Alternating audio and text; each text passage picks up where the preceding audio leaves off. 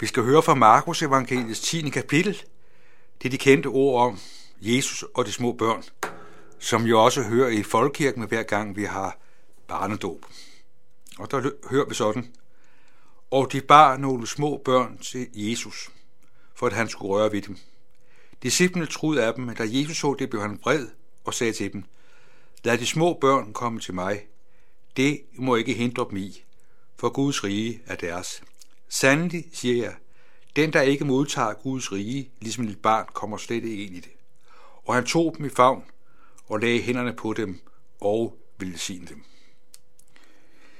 Vi hører her, at nogle bar deres små børn til Jesus. Det var altså formodentlig mødre, som havde syn for, at det var afgørende for deres børn at komme i berøring og komme i kontakt med Jesus. Og der kan man godt undre sig over disciplenes adfærd. Vi ser her, at disciplene synes mildest talt, det er en fuldstændig øh, vild idé. Disciplene kommer lidt op i det røde felt. Der står, at disciplene de er truet af dem. Øh, hvad er det, som øh, disciplene her gør? Har de, har, har de en dårlig dagsorden, dagsorden? Nej, jeg tror, at disciplene velment har tænkt, at det med Guds rige, alt det Jesus står for, det er noget, børn ikke forstår. Børn begriber hverken ud og ind. Og derfor er det måske ment, at det var tidsspil af Jesus at have fællesskab og kontakt med de børn, som de, ikke, som, som de børn, der ikke forstod noget. Og det kan også være, at disse disciple de har tænkt, Jesus har travlt. Han har nogle store og vigtige opgaver, og derfor er det vigtigt, at han bruger sin tid øh, med ret omhu. Så det kan godt være, at de her disciple de i virkeligheden har vil beskytte Jesus. Og der hører vi altså, at Jesus, han bliver vred. Det er jo egentlig, det er jo egentlig ganske få steder, at vi hører, at Jesus bliver vred. Ja, han bliver vred over på farisæernes skriftlov. Men her hører vi altså, at Jesus bliver vred over sin disciple. Det synes jeg er påfaldende. Og hvad er det, Jesus bliver vred over? Jo, det er fordi, at Jesus ser, at disciplene har en fuldstændig fejlagtig forståelse af, hvad det er, der er afgørende for at have fællesskab og have liv i Guds rige. Disciplene de giver nærmest udtryk for, at Guds rige handler om dygtighed, handler om kvalifikationer, handler om, at man kan gøre det, som er rigtigt og nødvendigt, at man kan tage, man kan tage de rigtige initiativer. Og i den sammenhæng, der vender Jesus det totalt om og siger, at i forhold til Guds rige, der handler det ikke om, hvad vi kan, om hvad vi kan præstere, og hvad vi kan tage os sammen til, og hvad vi kan beslutte os til. Det har jo en stor plads. Vi bruger jo meget tid på at drøfte og overveje, hvad vi kan gøre, hvad vi skal gøre. Vi kan bare tænke på den kirkelige øh, drøftelse i missionshus og kirke. Der bruges jo rigtig meget tid på at drøfte og overveje, hvad vi gør, hvad vi ikke skal gøre. Og det er da helt fint og rigtigt og godt at være optaget af det.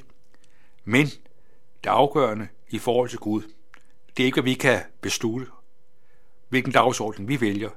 Men her er det afgørende, at vi i forhold til Gud får alt givet.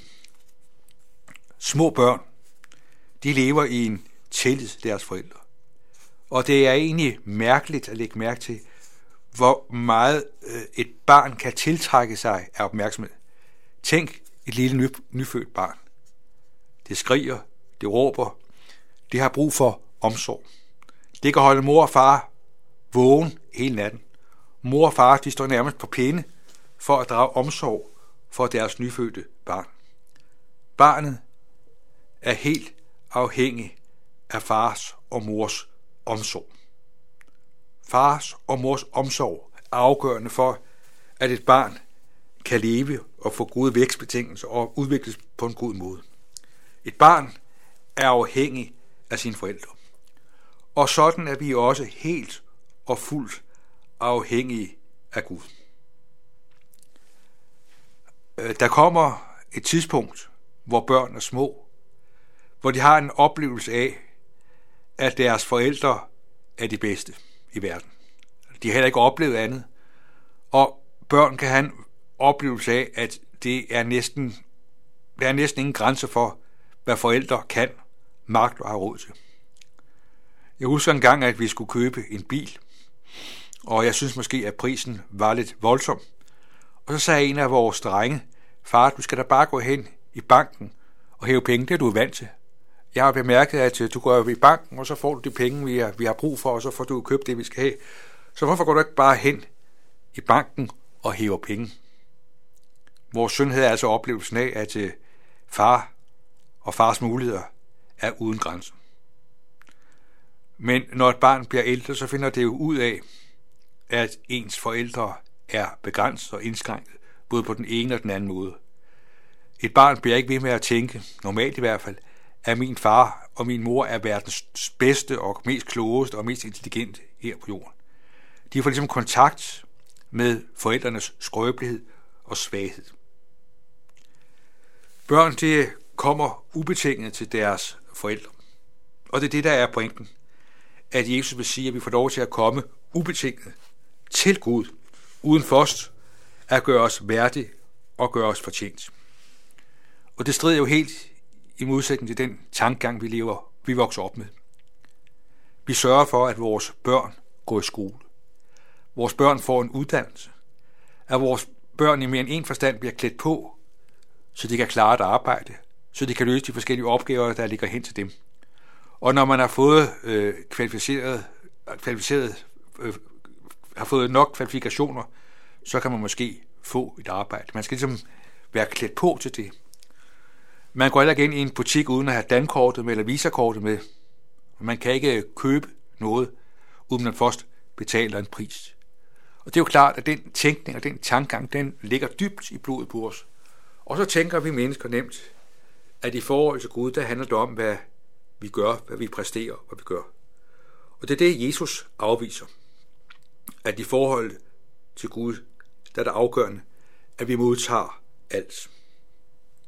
Hvordan får et barn livet? Gør et barn sig fortjent til at leve? Har du nogensinde hørt et barn sige, jeg har fået livet, fordi det har jeg faktisk fortjent? Nej, livet er en gave.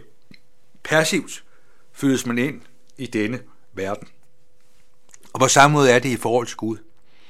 At det at blive Guds barn, det er ikke noget, vi har taget os sammen til men det er en gerning, Gud alene gør. Han gør det ved sit ord og ved sin ånd. Der genføder han, der giver han også plads i sit rige.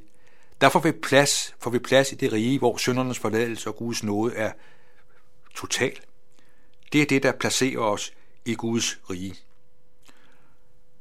Og det at være kristen, det handler ikke bare om, at vi får et nyt liv, og Jesus giver, giver os en ny start. Og så handler det om, at vi derfra tager skeen i den anden hånd, at vi nu begynder at øh, leve kvalificeret. Nej, at være kristen, at være Guds barn, det er til stadighed det, at få alt givet. Ikke bare som et udgangspunkt, ikke bare som en begyndelse, men det er det stadige grundlag, det er et stadig vilkår i Guds rige, at vi altid får alt givet.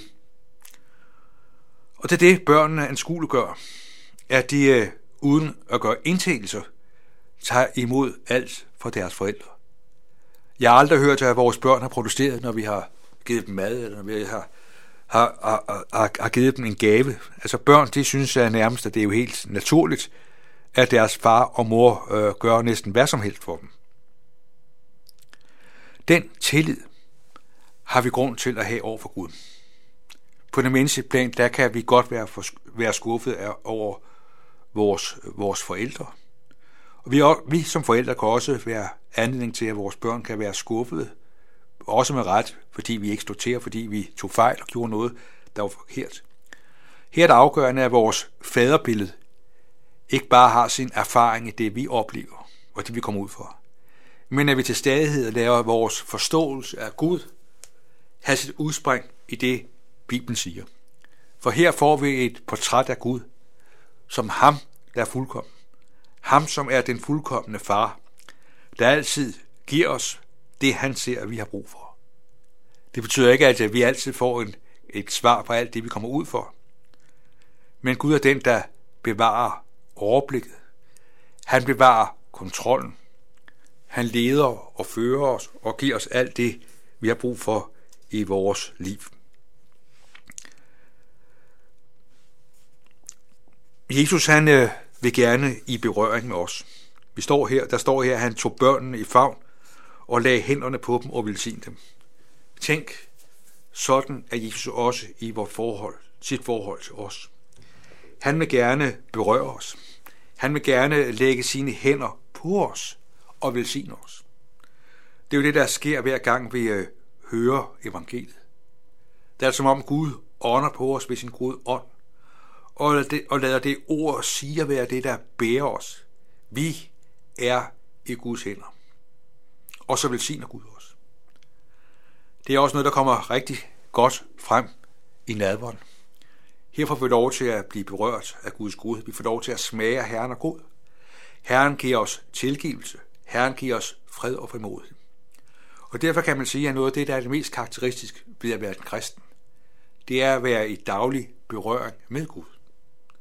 At Gud er den, der berører os igen og igen. Berører os og bærer os og fører, og fører os. Det er det, der ligger i, det er det, der er indholdet af ordene. Og han tog dem i favn og lagde hænderne på dem og velsignede dem. Den virkelighed, vi lever i som Guds børn. At Gud tager os i sin favn, tager, sig til, tager os til sig, lægger hænderne på os og velsigner os ved at fastholde, at vi får lov til at høre ham til. At være Guds barn, det er en fantastisk rigdom. At vi stadig får lov til at få givet alt af Gud. Og opleve, at Guds nåde aldrig slipper op. At Guds godhed aldrig kommer til kort. At Gud er den, der hver dag begynder på ny. Herrens nåde er ny hver morgen. Det er den virkelighed, som Jesus under os at leve i. Og derfor kommer Jesus op i det røde felt. Og når vi mennesker tror, at det, der gør os til kristne, har noget at gøre med, hvad vi kan, hvad vi skal forbedre, og vi skal tage os sammen, tage os sammen til. Der har vi misforstået det hele. Derfor kom Jesus op i det røde felt, fordi at være og leve som kristen, det er noget Gud gør og Gud giver. Som en far giver sine børn alt, eller det bedste, sådan giver Gud sin nåde helt og fuldt til os. Amen. Lad os takke og bede. Himmelske Far, vi takker dig, at vi får lov til at høre dig til. Tak fordi du til stadighed vil berøre os med din omsorg og din godhed. Vi beder om, at vi ikke må tro, at det at være kristen, det har noget, har noget at gøre med, hvad vi kan. Og vi får taget os sammen til, og hvad vi får besluttet. Vi beder om, at du må lade os erfare, at din godhed bærer. Vi beder om, at du må ånde på os med dit ord, og du må berøre os med din omsorg. Vi beder om, at du må give os det, du ser, vi har brug for i dag. Tak fordi du leder og fører os. Vi beder dig for alle vores kære, nær og fjern. Du ved, hvem vi ser tænker på, og hvem vi føler et ansvar for. Hjælp os at leve i frimodig tillid til dig. Amen.